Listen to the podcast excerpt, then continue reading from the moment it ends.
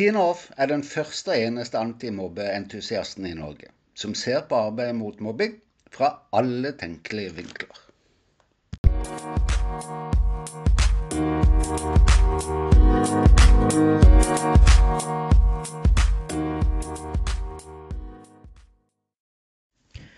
Råd er dyre, er det et uttrykk som heter. Råd er dyre. I arbeidet mot mobbing og mobbetaker er rådene ekstra dyre, for det står om tid, om helsa og om det enkelte barnet eller den unge. Betydningen av rådene som gis, blir viktige. Er de gode? Gode nok til å gjenta til de blir vedtatte sannheter om årsak og løsning? Ja, for de former voksnes holdninger, håndteringens kvalitet og den direkte effekten på barna. Klart vi kan snakke om det. Velkommen til ukens episode. Det er lett å være forstå-seg-på-er om skoleforhold. Kanskje for lett, faktisk. Alle har vi vært elever i Skole-Norge og opplever med eller uten lærerutdanning at vi forstår det som skjer i skolen. Vi er jo også et rimelig frittalende folkeslag med hjerte for barn og unge, med det resultat at vi engasjerer oss når barn og unge ikke har det bra, og gir råd til hverandre etter beste evne. Det er bare det at råd basert på individuelle enkelterfaringer er synsing om synsingen hjelper, er tilfeldig. Det kommer av at menneskene er involvert og situasjonen til de en gir råd til, er forskjellig fra menneskene og situasjonen rådene baserer seg på.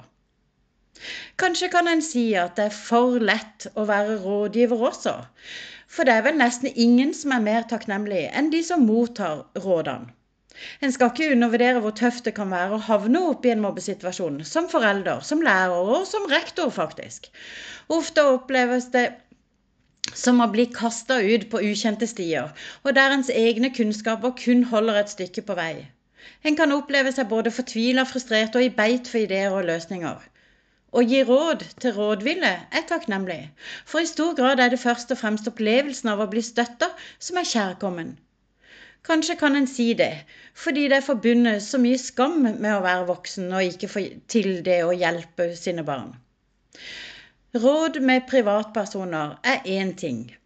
Nei, det hørtes helt feil ut. Råd mellom privatpersoner, det er altså én ting. Noe helt annet er råd fra organisasjoner, offentlige instanser og forskere. Kanskje kan en også si at inngangsporten for å gi skoler råd om årsak og løsning er for enkel. I hvert fall settes det i liten grad spørsmålstegn ved kompetansen og eller kvaliteten i disse rådene som gis. Men det er all grunn til å se nærmere på om rådene er gode, tenker jeg. Det jeg erfarer, er at enda baseres for mange råd på enkelterfaringer, på logiske slutninger og individuelle oppfatninger. Skal jeg være skikkelig direkte, baseres for mange årsaker og løsninger på synsinger. Men det er forståelige grunner til det. Det er nemlig fortsatt de færreste som har forståelse for det som rører seg inne på møterommene og eller i saksbehandlingene i mobbesaker som pågår over tid, uten sjøl å være involvert som part i enkeltsakene. Det er jo ikke så rart, for det er så godt som ingen utenfor til stede. Det betyr at de som skal gi råd i arbeidet mot mobbing og mobbesaker, tar utgangspunkt i informasjonen fra enkeltpersoner på deres enkelterfaringer, f.eks. Fra foreldre, fra lærere, for rektorer osv. For foreldre innebærer det oftest å fortelle om én enkeltsak. For lærere noen enkeltsaker, og begge disse hovedsakelig om erfaringer fra én skole. Det samme gjelder for rektorer, men da erfaringer fra flere saker som rektor. Men rektor er jo også den ansvarlige i denne type saker.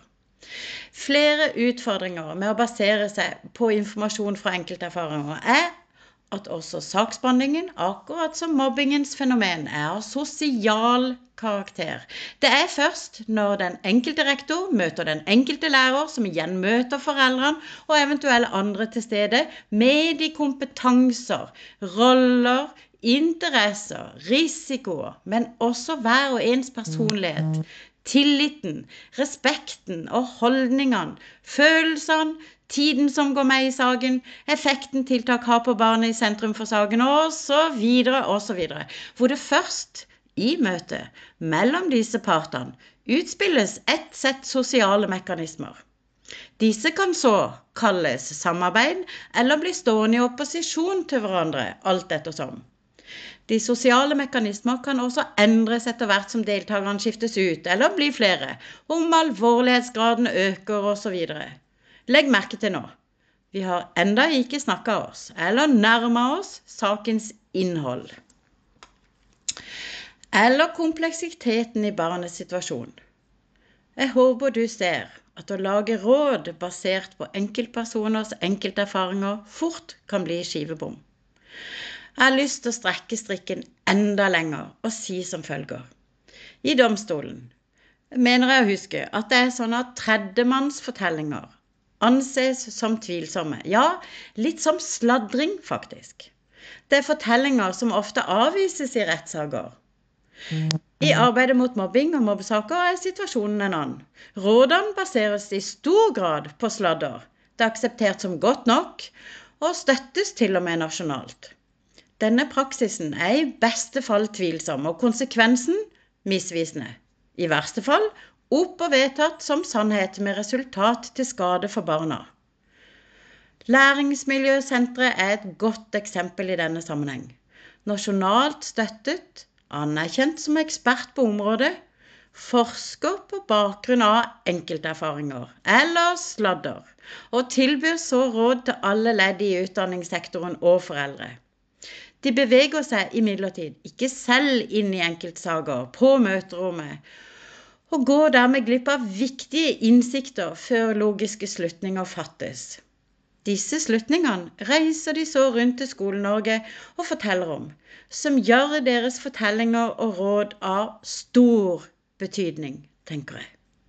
Som kjent, gjentas det samme mange nok ganger, kan det bli en felles sannhet. Imidlertid er det ikke mer sant av den grunn, og det er akkurat det jeg opplever at Læringsmiljøsenteret driver med for tida. De skyver arbeidet i helt feil retning. Det er skummelt. Det øker avstanden mellom skole og hjem, og det hjelper verken skolefolk eller de ulike hjem. Og at deres råd ikke er gode, viser senteret selv i sin manglende påpeking av de største utfordringene, og at det mangler et ledd i disse sakene. For lengst burde de ha avdekka dette. Det er vel ikke vanskelig å tenke seg hva dagens tips er. Fra meg til deg, vær deg bevisst hvem du får råd fra. Har de den faglige og erfaringskompetansen på akkurat det området du trenger hjelp til akkurat nå? Vil rådene være gyldige for din situasjon, din utfordring og for å komme videre? Det håper jeg du kan tenke på.